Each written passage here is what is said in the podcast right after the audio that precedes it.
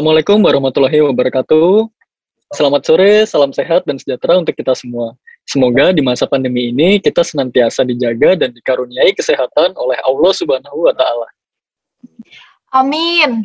Buat teman-teman yang lagi ngedengerin, selamat datang di podcast Action Regional bersama saya Tata dan saya Edo. Sore ini kita akan seru-seruan nih, Ta. Tahu nggak sih kita mau pada ngapain? Pastinya tahu dong Mas Edo. Kali ini kan kita mau bahas topik yang lagi hits di kalangan millennials, yaitu produk dan jenis lembaga keuangan syariah. Iya nih, betul banget. Jadi buat kalian yang kepo banget sama apa sih syariah itu, terus produknya apa aja sih? Nah, ini kalian nih harus stay tune di sini. Tapi sebelumnya nih Mas Edo, aku punya pantun nih. Oke, boleh, boleh. Cari hiburan, lihat pemandangan indah di benua Asia. Cakep. Berangkat ya awal bulan ajak saudagar di kota. Cakep. Penasaran sama perkembangan keuangan syariah di Indonesia? Yuk Pastinya siapin dong. cemilan dan minuman segar, pantengin terus podcast kita.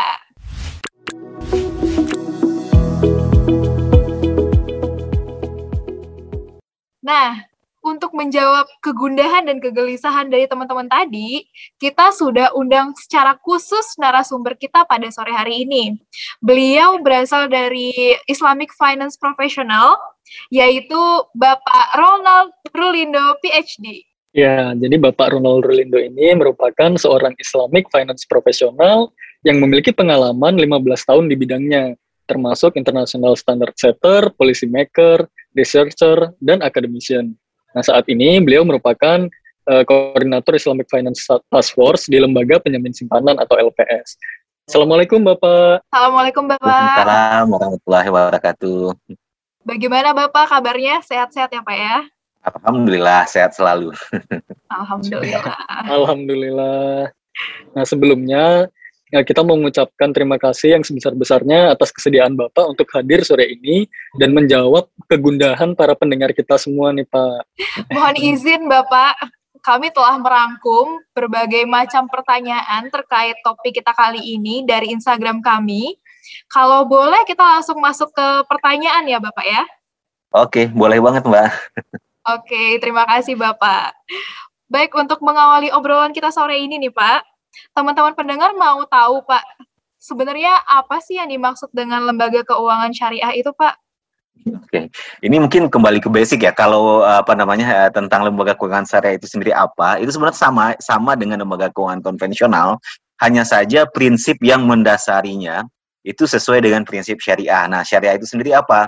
Banyak yang bilang bahwa syariah itu adalah hukum Islam. Sebenarnya sih eh, dibilang salah juga enggak sih, tapi yang lebih tepatnya adalah syariah itu adalah panduan hidup untuk umat Islam. Jadi kalau kita bicara hukum kan ada apa boleh tidak boleh, sedangkan kalau uh, sebagai panduan hidup itu lebih luas gitu. Kalau kita bicara syariah, mungkin di antara kita juga uh, terutama umat Islam ada yang tahu uh, sudah pasti yang tahu lah ya.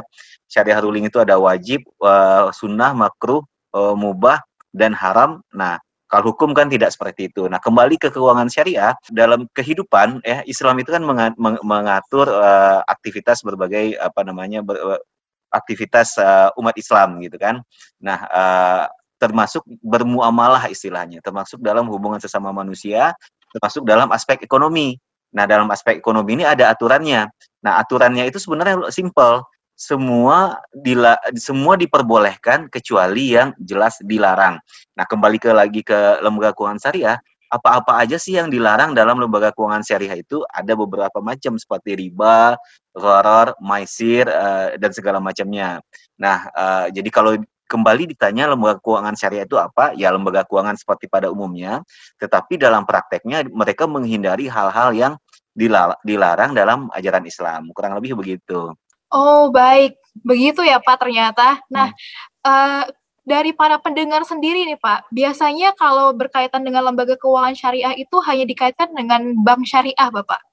Boleh dijelaskan kah, Pak, kira-kira jenis-jenis lembaga keuangan syariah yang lainnya ada apa aja ya, Pak ya? Ya, lumayan banyak sih sebenarnya. Tapi yang mungkin yang membedakan dengan konvensional itu adalah uh, dalam lembaga keuangan syariah ada yang bersifat komersial, ada yang bersifat sosial.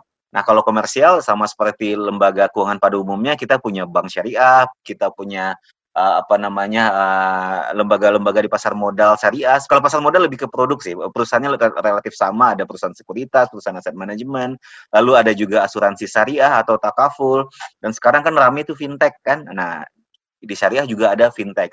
Tetapi ke arah sektor keuangan itu ada lembaga lain yang uh, khusus menangani itu, seperti lembaga amil zakat misalnya. Nah itu sebenarnya juga lembaga keuangan syariah. Lalu ada uh, lembaga wakaf atau uh, badan wakaf. Nah itu juga lembaga keuangan syariah. Nah kemudian ada lagi nih sebenarnya yang menarik nih, yang di tengah-tengah. Contohnya itu adalah Baitul Mal wa Tamwil. Baitul Mal wa Tamwil. Nah di sini mereka bisa mengkombinasikan tuh kedua aspek uh, komersial dan juga sosial pada saat yang bersamaan. Nah, itu banyak ragamnya uh, lembaga keuangan syariah itu tadi. Ini kalau dari penjelasan Bapak tadi, kita jadi makin banyak paham nih, Pak. Jadi bahwa lembaga keuangan syariah itu ternyata luas banget. Jadi mulai dari uh, badan wakaf hingga sampai ke fintech, terus ada juga tadi Baitul Mal. Nah, kalau boleh kita perdalam, Pak, kira-kira sejarah berdirinya lembaga keuangan syariah itu seperti apa Pak ya? Khususnya di Indonesia ini sebagai uh, negara dengan jumlah eh, umat muslim terbesar di dunia nih Pak. Kalau kita bicara sejarah, kalau di Indonesia sebenarnya sudah cukup lama ya lembaga keuangan syariah itu tapi mungkin bukan lembaga keuangan syariah modern bahkan uh, secara histori kan BRI itu kan didirikan di masjid tuh sebenarnya kalau kita mau bilang itu bisa jadi salah satu cikal bakal lembaga keuangan syariah. Tetapi kalau uh, kita bercermin kepada apa namanya uh, lembaga keuangan syariah modern, sejarahnya kalau uh, itu berdiri di Mesir pertama kali namanya Midgamer Bank itu adalah bank pertanian. Hmm. Cuman Midgamer Bank ini tidak terlalu berkembang karena ada permasalahan politis kalau salah saya tidak salah saat itu. Nah, kemudian di Malaysia tahun 60-an juga itu berdiri lembaga tabung haji. Kalau nggak salah sekitar 6, tahun 67 atau 69 gitu ya. Nah, lembaga tabung haji yang mengelola dana haji masyarakat penduduk Malaysia, mereka kumpulkan, mereka investasikan sehingga nanti ketika masyarakat ingin naik haji, uangnya itu apa namanya uh, tidak bayarnya tidak terlalu mahal karena sudah dibantu diinvestasikan lebih lanjut oleh si tabung haji ini. Nah, uh, tapi tabung haji sendiri memang bentuknya bukan bank. Nah, kalau kita kan apa namanya di dunia ini yang paling banyak lembaga keuangan itu kan perbankan kan. Nah, bank syariah sendiri baru banyak hadir itu tahun 70-an di Timur Tengah. Baik yang bersifat komersial seperti Dubai Islamic Bank, Kuwait Finance House atau Al-Rajhi ataupun juga yang uh, bersifat multilateral development bank seperti Islamic Development Bank. Kita bergeser sedikit ke uh, Asia Tenggara, itu ke, uh, di Malaysia bank syariah pertamanya adalah Bank Islam Malaysia Berhad itu berdiri tahun 83. Nah, kalau di Indonesia kita baru punya bank syariah itu tahun 91, Bank Muamalat Indonesia yang resmi beroperasinya baru tahun uh, 92. Nah, selama beberapa tahun di awal itu uh, sekitar enam tahun di awal ya, itu Bank Muamalat beroperasi sendiri. Kemudian terjadi krisis. Nah, ketika krisis Asia itu banyak apa kita di kita kita kita kita sebutkan krisis moneter kan ya. Banyak bank-bank uh, tutup kan.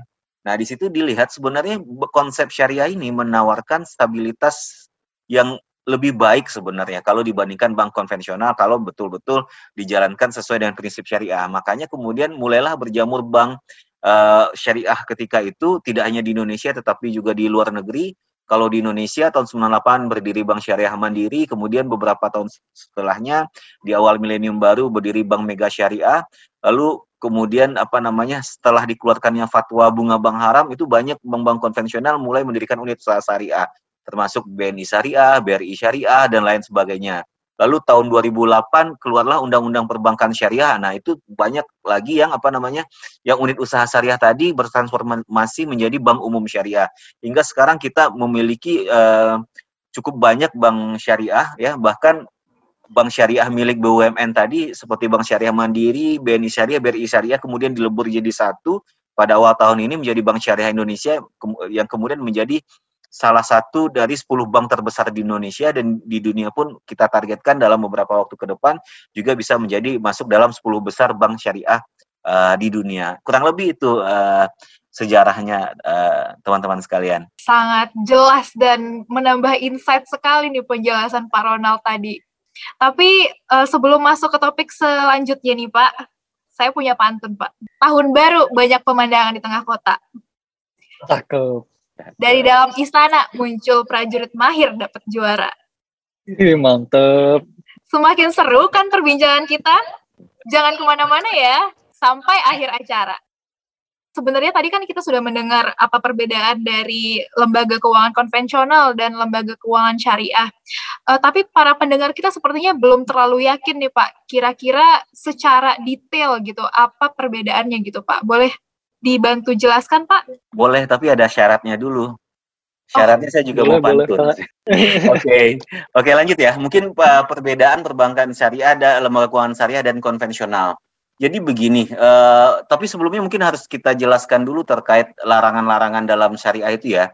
Pertama itu larangannya adalah riba. Riba itu adalah uh, singkatnya saja riba itu dianggap sama dengan uh, bunga kan. Jadi uh, salah satu contoh riba itu adalah uh, riba dalam utang piutang. Jadi ketika kita meminjamkan uang itu kita tidak boleh meminta tambahan.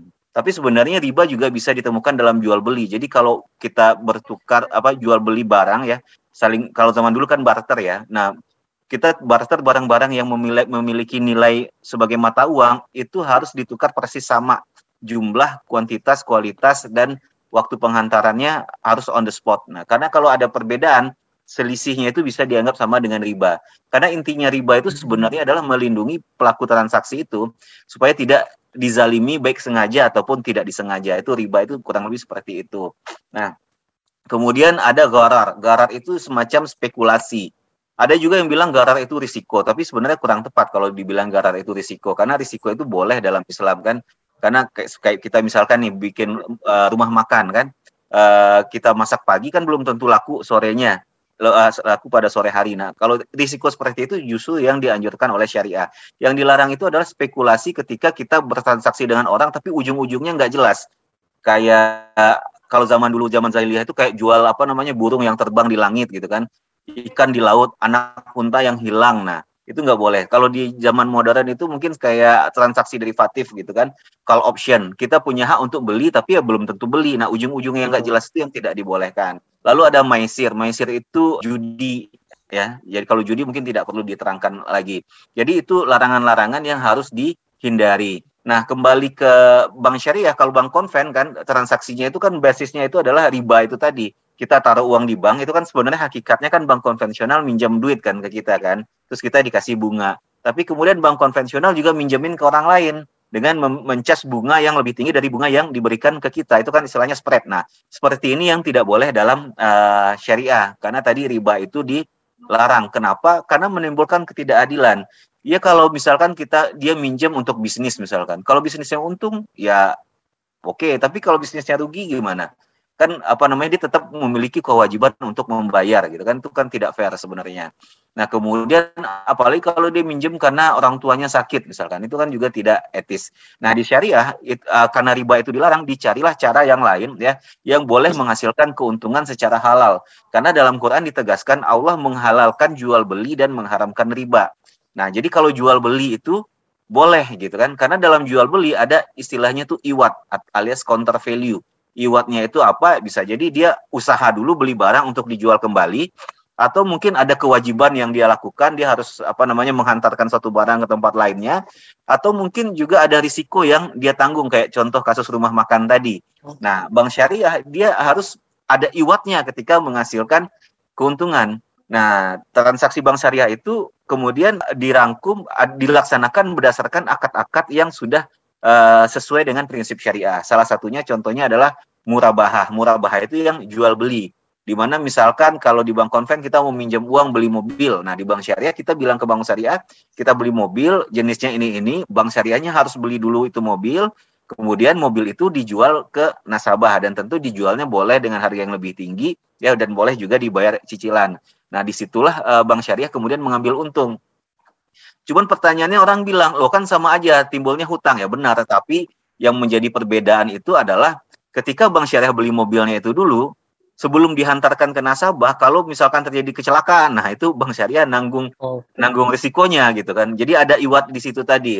Atau mungkin ketika bank syariah beli, nasabah kemudian batalkan transaksinya. Oh nggak jadi ah gitu. Padahal bank syariah udah beli. Nah sebenarnya kan di situ bank syariah terekspos pada risiko pasar kan, karena ketika dijual lagi mobilnya harganya turun. Nah, itu salah satu contoh akad yang apa membedakan bank syariah dan bank konvensional. Tapi kemudian ada akad lain seperti uh, akad mudarabah atau musyarakah. Ini akad investasi sebenarnya. Jadi kalau kita mau bisnis, kita bilang ke bank, kalau ke konven kan kita pinjam 100 juta untuk bisnis, ya terserah lah mau bisnis apa kan. Tapi kalau ke bank syariah harus jelas bisnisnya. Bisa kalau bisa bermudarabah, dalam mudarabah ini banknya yang menjadi investor, ya. Uh, kemudian uh, keuntungan akan dibagi sesuai nisbah, tetapi kalau rugi itu si investor alias banknya yang nanggung kerugian. Kenapa? Karena si nasabah itu telah rugi waktu, investor rugi di uang. Atau bisa jadi juga musyarakah musyarakah itu profit share uh, profit and loss sharing. Keuntungan dibagi sesuai dengan nisbah, uh, kerugian juga dibagi sesuai dengan nisbah. Tapi di musyarakah si nasabah juga investment uang di situ. Ada berbagai macam produk bank syariah yang bisa betul bisa membedakan bank syariah dan bank konvensional. Tetapi itu tadi dari contoh apa namanya hmm, mungkin dari sudut pandang pembiayaan barangkali ya. Nah, dari sudut pandang, pandang dana pihak ketiga ya uh, atau simpanan kalau di konven tadi itu kan basisnya bunga kan. Kita nyimpan uang nanti dikasih bunga. Di syariah tidak begitu. Ada dua pilihan sebenarnya. Kalau kita hanya nyimpan aja, tidak mengharapkan kembalian, kita bisa pakai akad wadiah istilahnya. Akad titipan. Kita tutip uang di bank, tolong dijagain. Kalau gue mau ambil, gue ambil ya gitu kan. Nah, uh, itu wadiah. Tetapi kalau kita mau untung, keuntungan, kita bisa bermudarabah dengan bank gitu. Yang seperti kasus uh, financing tadi, ini modalnya sama nih kita jadi investor bank ya dalam arti dalam bentuk deposito atau tabungan kemudian uang kita itu diinvestasikan oleh bank ya bisa jadi dia salurkan dalam bentuk pembiayaan murabah, pembiayaan musyarakah, mudarabah ataupun pembiayaan yang lainnya. Nah, dari keuntungan itu itulah yang dibagi berdasarkan nisbah bagi hasil yang sudah disepakati di awal. Jadi memang uh, model bisnis bank syariah dan bank konven itu beda walaupun mungkin secara singkat kita lihat uh, ujung-ujung produknya itu relatif sama, tetapi proses bisnisnya itu yang uh, berbeda dan implikasinya itu bisa ke risiko, bisa ke modal dan banyak sebenarnya yang uh, kemudian membedakan, tapi mungkin orang awam tidak bisa melihat sampai ke situ, gitu kurang lebih. Iya, ternyata uh, kalau kita perdalam lagi lebih dalam, ternyata perbedaannya cukup signifikan ya Pak ya. Apalagi iya, kalau dari sisi kalau dari sisi cara kerjanya tadi kan Bapak menjelaskan bahwa ada berbagai macam akad yang dilakukan seperti contohnya ada akad murabahah atau yang dari jual beli, mudarobah, musyarakah dan uh, wadiah tadi untuk uh, tabungan. Nah ini tadi juga kalau saya boleh uh, menggarisbawahi eh, perbedaannya titiknya itu adalah di uh, iwatnya atau ada tidaknya risiko. Nah kalau syariah ini mungkin lebih ke mem memastikan bahwa dalam transaksinya itu uh, iwat ini penting nih dalam konsep syariah. Mungkin uh, seperti itu Pak ya. Kalau kita perhatikan kan mungkin uh, dari ujungnya meskipun beda-beda tipis, tapi ternyata isinya ini uh, cukup signifikan nih perbedaannya gitu Pak. Jadi nah, iwatnya saya nah, tambahin dikit ya. Iwat tadi bu, ya, boleh, boleh, selain Pak. risiko juga ada kewajiban atau uh, usaha yang dilakukan. Jadi kalau salah oh, satu dari tiga itu terpenuhi, nah itu kita bisa menjustifikasi kenapa laba kita itu halal dan riba itu haram gitu. Ya, terima kasih banyak Pak atas tambahannya Pak. Nah ini mungkin dari Mbak Tata ini ada pertanyaan dari kegundahan-kegundahan netizen kita nih Pak. Benar sekali Bapak, saya tuh benar-benar tadi tuh benar-benar tercerahkan gitu Pak. Seperti mendengarkan dosen saya waktu kuliah dulu Pak, sangat insightful gitu. Nah, uh, jadi itu kita udah tahu nih Pak, ternyata tuh luas sekali syariah itu. Kita uh, so, kita semua memang uh, banyak yang awam gitu ya Pak ya, termasuk golongan milenial terhadap syariah ini. Nah, pertanyaan pamungkas nih Pak. Kira-kira arah pengembangan lembaga keuangan syariah dan potensinya di Indonesia maupun global ke depannya akan seperti apa ya Pak? Ya, uh, arah kebijakan ya. Yang jelas pasar perbankan syariah di Indonesia itu keuangan syariah lah pada umumnya itu sangat besar. Kita tahu 87% penduduk Indonesia adalah muslim penduduk Indonesia itu kira-kira berapa ya sekarang ya? Kalau zaman saya kecil itu Pak Haji Roma, dia nyanyinya 180 juta penduduk Indonesia. Tapi kayak sekarang udah 270-an juta deh. 87 persennya mungkin sekitar 200-an, 220 juta barangkali ya. Tetapi kalau kita bicara global, itu pangsa pasarnya lebih gede lagi. Ada 1,8 miliar penduduk muslim di dunia. Nah ini uh, suatu pasar yang uh, cukup besar ya, karena se sebagai muslim tentu kita diarahkan untuk bertransaksi atau bermuamalah sesuai syariah. Nah hanya saja uh, kalau kita lihat perkembangannya, walaupun perbankan syariah itu tumbuh selalu tumbuh positif setiap tahun, tetapi kalau di Indonesia market share-nya masih sebatas enam setengah persen. Nah, kalau di negara lain itu sudah uh, lumayan jauh. Di Malaysia itu udah 20 20-an persen bahkan hampir 30 persen. Di Saudi Arabia itu sudah lebih dari 50 persen dan ada negara-negara yang bahkan 100 persen sistem perbankannya itu berdasarkan prinsip syariah. Nah, kalau arah ke Indonesia ke mana? Presiden sudah mencanangkan Indonesia ini akan menjadi pusat ekonomi dan keuangan syariah dunia. Nah, makanya kemudian apa namanya uh, Presiden mendirikan Komite Nasional Ekonomi dan Keuangan Syariah untuk menjadi lembaga koordinator antar berbagai kementerian dan lembaga termasuk di situ ada Bank Indonesia, OJK, Kementerian Keuangan, Kementerian Koordinator apa namanya ekonomi juga itu Kementerian Koperasi dan semuanya agar apa namanya ekonomi dan keuangan syariah ini bisa maju dengan uh, segera. Nah, salah satu inisiatif yang dilakukan di awal tahun ini oleh Kementerian BUMN yang juga merupakan anggota dari Komite Nasional Ekonomi dan Keuangan Syariah itu adalah uh, pendirian Bank Syariah Indonesia yang merupakan merger dari Bank Syariah Mandiri, BNI Syariah, BRI Syariah dan uh, lain sebagainya. Itu salah satu contoh. Selain itu juga uh, apa apa namanya sebelum BSI didirikan pun di, didirikan pun pemerintah uh, arah kebijakannya juga sangat mensupport syariah. Misalkan pemerintah itu rutin mengeluarkan sukuk negara.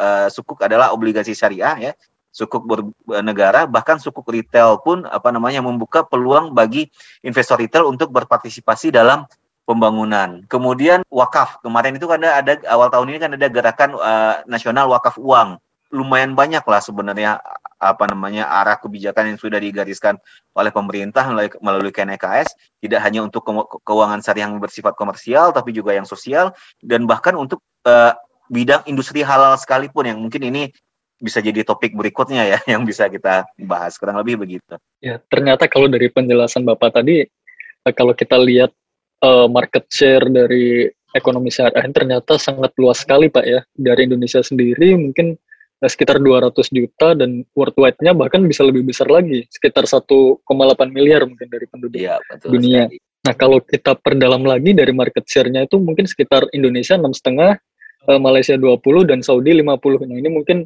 uh, dengan optimisnya kita sebagai pusat uh, ekonomi syariah dunia ini mungkin kita masih perlu dorong Pak ya berarti di beberapa tahun ke depan ini untuk pengembangan XR-nya. Tapi ini memang sudah didukung oleh pemerintah melalui uh, berbagai kebijakannya yang salah satunya yang saya tangkap tadi adalah terkait gerakan nasional wakaf uang nih Pak. Ini cukup menarik nih bagi saya karena uh, tadi Bapak juga sampaikan bahwa dari ekonomi syariah ini tidak hanya uh, mementingkan dari segi komersial saja, tapi kita juga berusaha untuk uh, mengangkat di sisi sosialnya. Ini cukup menarik Pak. Namun nggak uh, kerasa nih kita udah di penghujung obrolan sore ini Pak. Ini kita juga udah nggak kerasa kita ngobrol-ngobrol ternyata uh, cukup lama. Nah tentunya uh, pendengar ini juga sudah semakin tercerahkan nih Pak dan yakin ya semakin yakin nih untuk beralih dari lembaga keuangan konvensional menjadi ke, uh, ke lembaga keuangan syariah untuk turut uh, mensukseskan uh, Indonesia untuk menjadi pusat ekonomi syariah dunia. Insya Allah. Insya Allah. Insya Allah. Memang sebenarnya syariah ini kan membawa prinsipnya itu untuk kesejahteraan umat ya Pak. Semoga uh, tujuan atau prinsip yang diangkat oleh syariah ini memang bisa diimplementasikan di Indonesia dan memang akan membawa kesejahteraan bersama terutama untuk Indonesia yang mana merupakan negara muslim uh, terbesar di dunia ya Pak ya. Nah, uh, kalau boleh kita rangkum sedikit Pak, hasil diskusi kita sore ini kita coba simpulkan ke dalam tiga poin. Yang pertama tadi mengenai lembaga keuangan syariah, uh, perbedaannya dengan lembaga konvensional, yaitu lembaga keuangan syariah ini berbasis kepada hukum-hukum uh, syariah, apa yang dilarang dan uh, diperbolehkan di dalam Islam, terutama pada tiga hal tadi, yaitu tentang riba, tentang goror, dan tentang maisir juga. Nah, kemudian uh, untuk yang kedua terkait dengan prinsip-prinsip yang diangkat uh, dalam ekonomi syariah ini terdapat beberapa akad yang merupakan uh, basis dari pelaksanaan kegiatan ekonomi dan keuangan syariah. Contohnya itu tadi ada murabahah, mudorabah, uh, musyarakah dan juga ada wadiah. Dan juga kemudian uh, tadi uh, untuk sejarah uh, dari ekonomi dan keuangan syariah tadi sebenarnya uh, sudah berawal dari Mesir. Ada perbankan syariah pertama, kemudian uh, itu mengawali ekonomi dan keuangan syariah di Timur Tengah, yang kemudian turun ke Asia Tenggara, yang pertama kali itu ada Malaysia, dan kemudian Indonesia sendiri dimulai dengan pendirian Bank Muamalat pada, pada tahun 1992, dan kemudian setelah krisis uh, baru berdiri mandiri dan kemudian uh, diikuti oleh bank syariah-bank syariah lainnya. Dan juga yang terakhir tadi yang paling penting adalah potensinya yang sangat besar di dunia maupun di Indonesia, di mana di dunia terdapat 1,8 miliar penduduk muslim, namun di Indonesia hanya uh, memiliki pangsa pasar sebesar 6,5 persen yang harus terus didukung uh, oleh pemerintah dan juga masyarakatnya sendiri. Nah di sini uh, pemerintah juga telah berinisiasi untuk mendirikan KNEKS dan juga memiliki beberapa program uh, seperti adanya gerakan wakaf Indonesia, kemudian ada juga pendirian Bank Syariah Indonesia yang mengawali sepak terjang Bank Syariah di Indonesia uh, dan juga kemudian uh, di sini juga uh, ada gerakan uh, wakaf nasional yang kemudian uh, tujuan utamanya itu adalah menjadikan Indonesia sebagai pusat ekonomi dan keuangan syariah global. Lumayan komprehensif ya, ya kesimpulannya. Iya nih. Mantap nih data nih. Iya Pak, jadi sebelum kita mau izin Pak sebelum kita tutup obrolan sore ini, hmm. uh, mungkin Bapak ada pesan-kesan Pak untuk para pendengar kita di rumah khususnya kaum milenial sini nih Pak terkait dengan lembaga keuangan syariah. Oke teman-teman milenial sekalian, mungkin uh, teman-teman milenial sudah banyak yang tahu dan sering mendengar ya bahwasanya tahun 2045 itu kan apa namanya uh, menuju Indonesia emas kan kurang lebih seperti itu. Nah, Indonesia Emas itu kita memiliki bonus demografi di mana 70% penduduk Indonesia itu adalah uh, usia produktif. Nah, kalau karena dia usia produktif tentu dia bisa bekerja maksimal ya kan? Bisa meningkatkan kesejahteraan bangsa. Tetapi kalau gagal nah itu lapangan kerja tidak tersedia kemudian angka kriminalitas pasti meningkat kesehatan menurun dan segala macamnya. Kita kan tentu tidak mau itu terjadi ya Nah, 2045 kan masih lumayan lama nih, masih 24 tahun lagi. Nah, 24 tahun lagi nih teman-teman milenial dan Gen Z nih yang pasti akan menjadi pemimpin bangsa kan. Nah, kita harus bekerja keras untuk mempersiapkan bangsa kita menghadapi uh, Indonesia Emas tadi 2045 itu tadi. Nah, caranya bagaimana? Sebenarnya ekonomi dan keuangan syariah inilah yang bisa menjadi salah satu solusi. Kenapa? Sebagai negara dengan penduduk terbesar di dunia, Indonesia ini bisa menjadi leader di bidang ekonomi syariah. Secara secara ekonomi kita bisa menjadi pemimpin. Ya, kita bisa memproduksi banyak hal, produk-produk halal untuk diekspor ke 1,8 miliar penduduk dunia itu tadi ya. Tetapi sayangnya sekarang bukannya kita sebagai pengen mengekspor malah kita importir terbesar. Nah, itu penting sekali untuk kita garis bawahi bagaimana kita harus memajukan ekonomi dan salah satu caranya adalah melalui ekonomi syariah.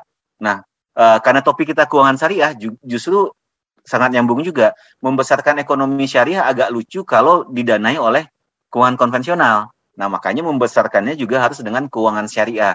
Karena keuangan syariah ini tidak hanya menonjolkan aspek uh, komersial semata, tetapi juga aspek sosial, lebih komprehensif lah uh, istilahnya. Hanya saja mungkin kalau kita lihat dampak yang diberikan oleh keuangan syariah ini mungkin masih belum optimal. Kenapa? Karena yang makainya juga masih sedikit gitu.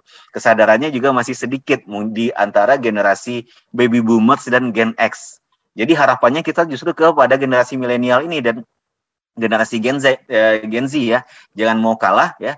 Manfaatkan keuangan, gunakan keuangan syariah sebesar-besarnya karena insya Allah inilah salah satu jalan yang terbaik untuk ikhtiar kita mensejahterakan Indonesia, tidak hanya sekarang tetapi juga di masa yang akan datang. Mungkin uh, sebagai penutup saya barusan mikirin pantun apa ya, gak usah kalah Waduh. sama pertanyaan aja ya. Hmm. Mantap, Bapak. Berselancar di dunia maya sambil makan si ayam tangkep. Nah, terima kasih atas undangannya, tim DR emang cakep. Uh, terima Wah, kasih banyak. Terima kasih banyak Bapak. kita nggak mau kalah nih Pak kita Pak kita juga punya pantun penutup nih Pak pagi-pagi makan soto ambengan sama Bu Ustazah belinya wow. bergiliran harus mau antri jangan serakah mari kita bersinergi dukung pengembangan keuangan syariah perekonomian menjadi aman dan insya Allah berkah Amin. Terima Amin. kasih Terima kasih Terima Bapak. kasih Pak atas waktunya. Baik, terima kasih sekali lagi kami ucapkan uh, kepada Bapak Ronald atas kesediaannya untuk berbagi ilmu kepada kita semua. Semoga ilmu ini menjadi manfaat bagi kami dan berkah untuk Bapak Ronald. Oke, sama-sama. Seru banget nih ya tadi ya kita ngobrolnya. Jadi kayaknya nih para pendengar jadi makin penasaran nih tentang ekonomi keuangan syariah. Apalagi tadi Pak Ronald kan sempat nyinggung nih tentang uh, Islamic Social Finance nih, Ta. Nah, bener banget Mas Edo.